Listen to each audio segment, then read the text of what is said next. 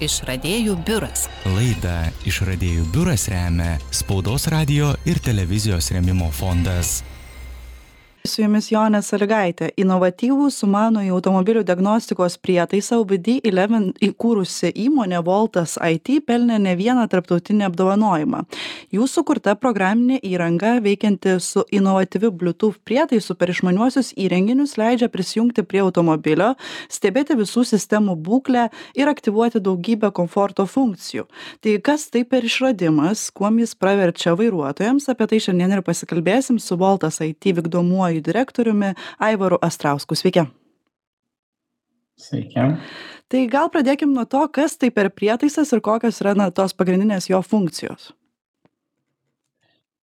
Tai yra nedidelis prietaisėlis, kuris yra tik tai tarpininkas, sakykime, tarp programos ir automobilio, kurio pagalba prisijungi su telefonu, kaip ir prie kiekvieno prietaiso, kurį turim šiuo metu namuose, ir prisijunginėjam su telefonu ir galim kažką tai su juo veikti, su šiuo atveju su automobiliu. Tai galima daryti diagnostiką kaip ir e, specializuotose servisuose tokio pat lygio, e, galima stebėti parametrus ir populiariausia funkcija, kurią mes turim ir, sakykime, ta pagrindinė inovacija, kurią, kurią mes išplėtojom, tai e, galimybė aktyvuotis tam tikras funkcijas, neturint programavimo žinių apie automobilius tai reiškias tiesiog e, pasiskaitai aprašymą pažiūri ką ta funkcija daro tarkim ar įjungia dienos šviesas ar ten kokius nors e, veidrodėlių užvertimą automatinį aktyvuoja ir tiesiog paspaudi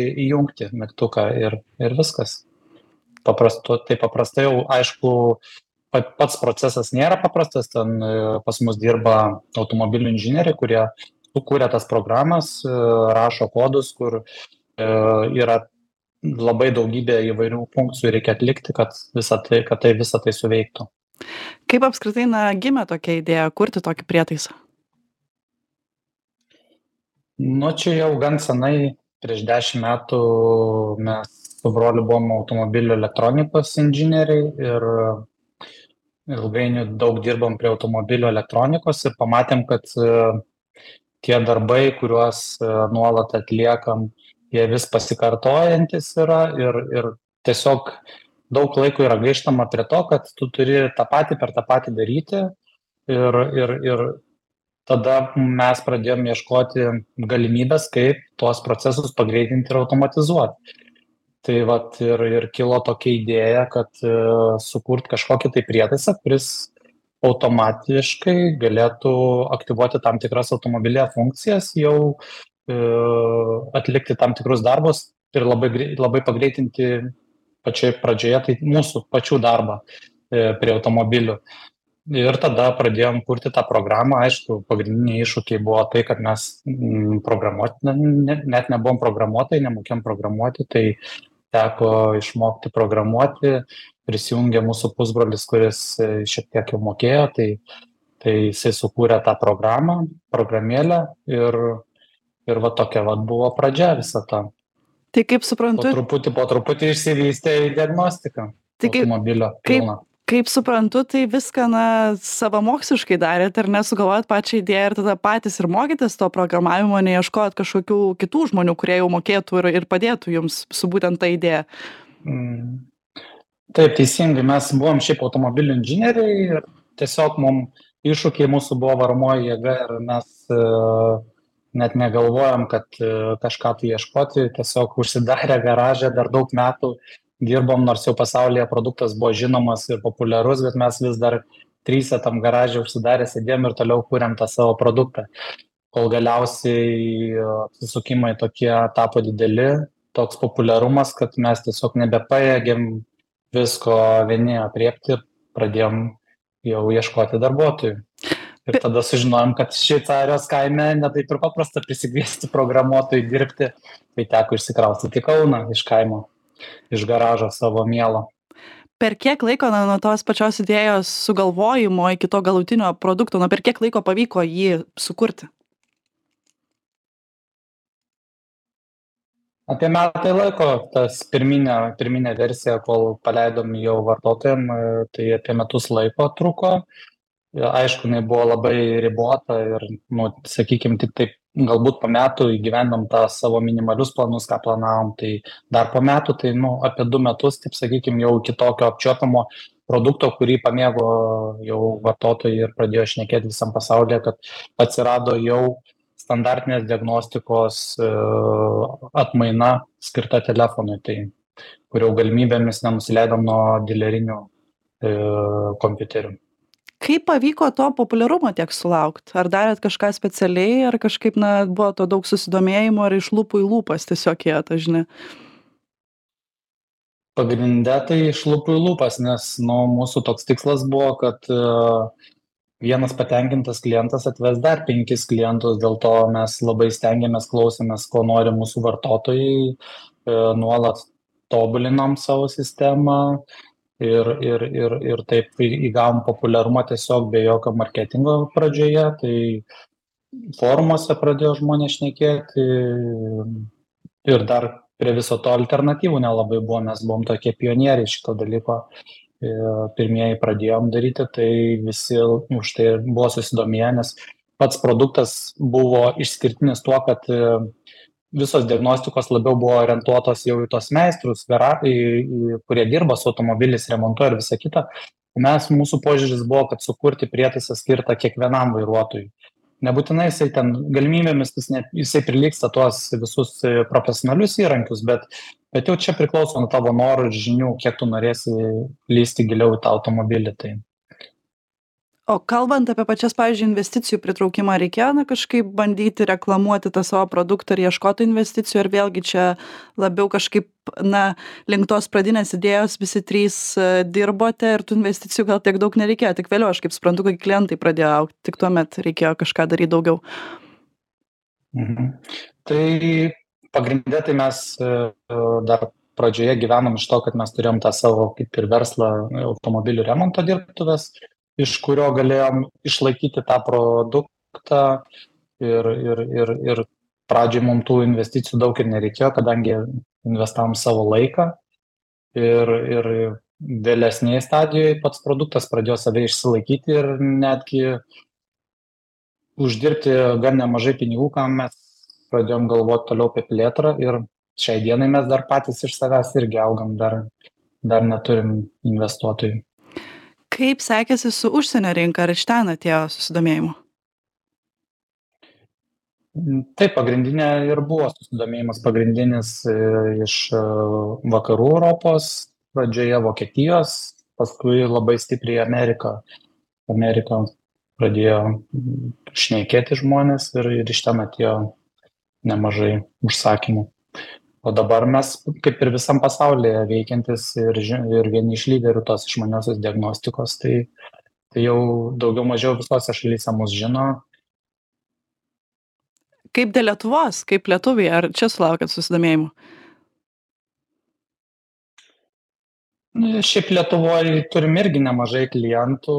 Aišku tai yra galbūt ne mūsų pagrindinė rinka nes e, vis tiek tai yra nėra labai didelė ta rinka bet kadangi čia vokiškų automobilių su kuriais mes veikiam e, yra nemažai vis tiek tai tai tikrai yra yra susidomėjimas nemažas ir procentaliai visų pardavimų tai yra labai labai nedidelis ten gal ten vienas du procentėliai visų pardavimų lietuvoje bet bet pagal vartotojų skaičių ir kiek čia tų automobilių yra tai tikrai nemažai klausytojams kurie galbūt girdėdami šį pokalbį susidomės na pasižiūrėti kas čia per prietaisas tai su kuriais būtent automobiliais veikia jis?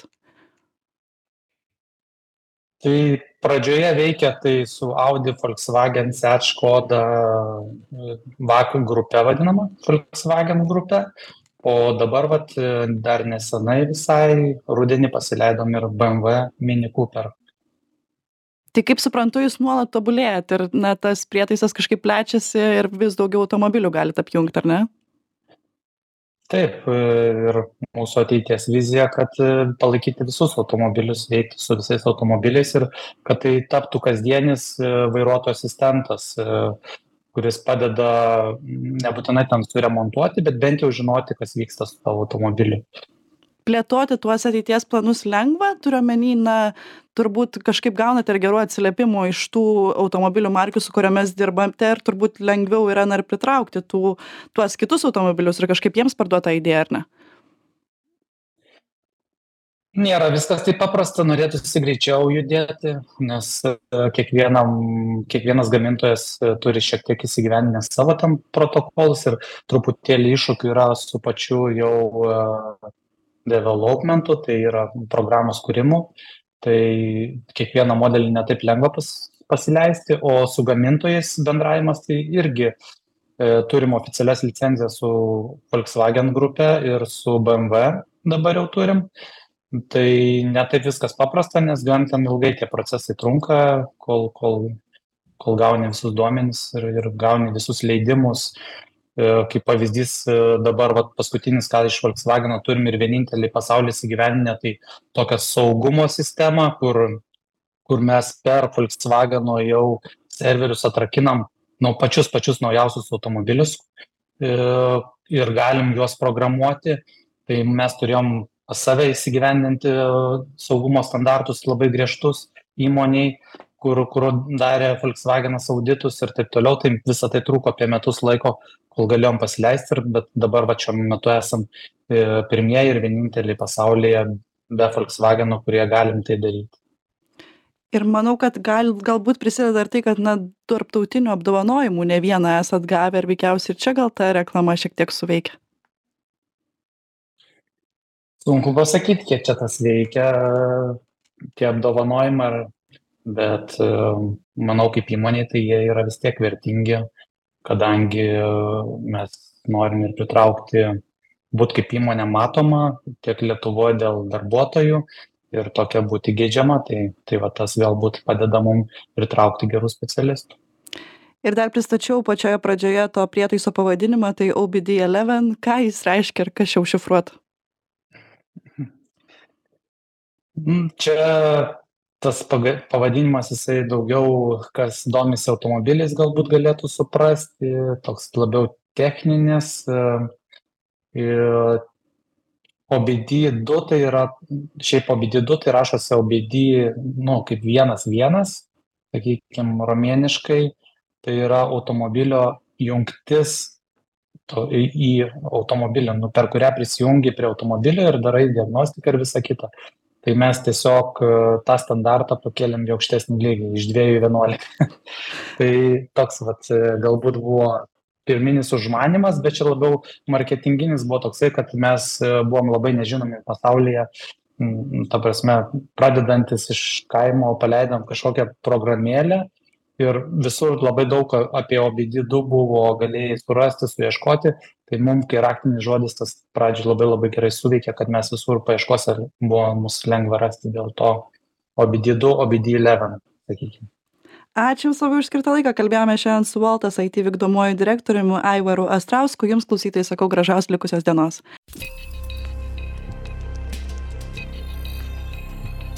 Išradėjų biuras. Laidą Išradėjų biuras remia Spaudos radio ir televizijos remimo fondas.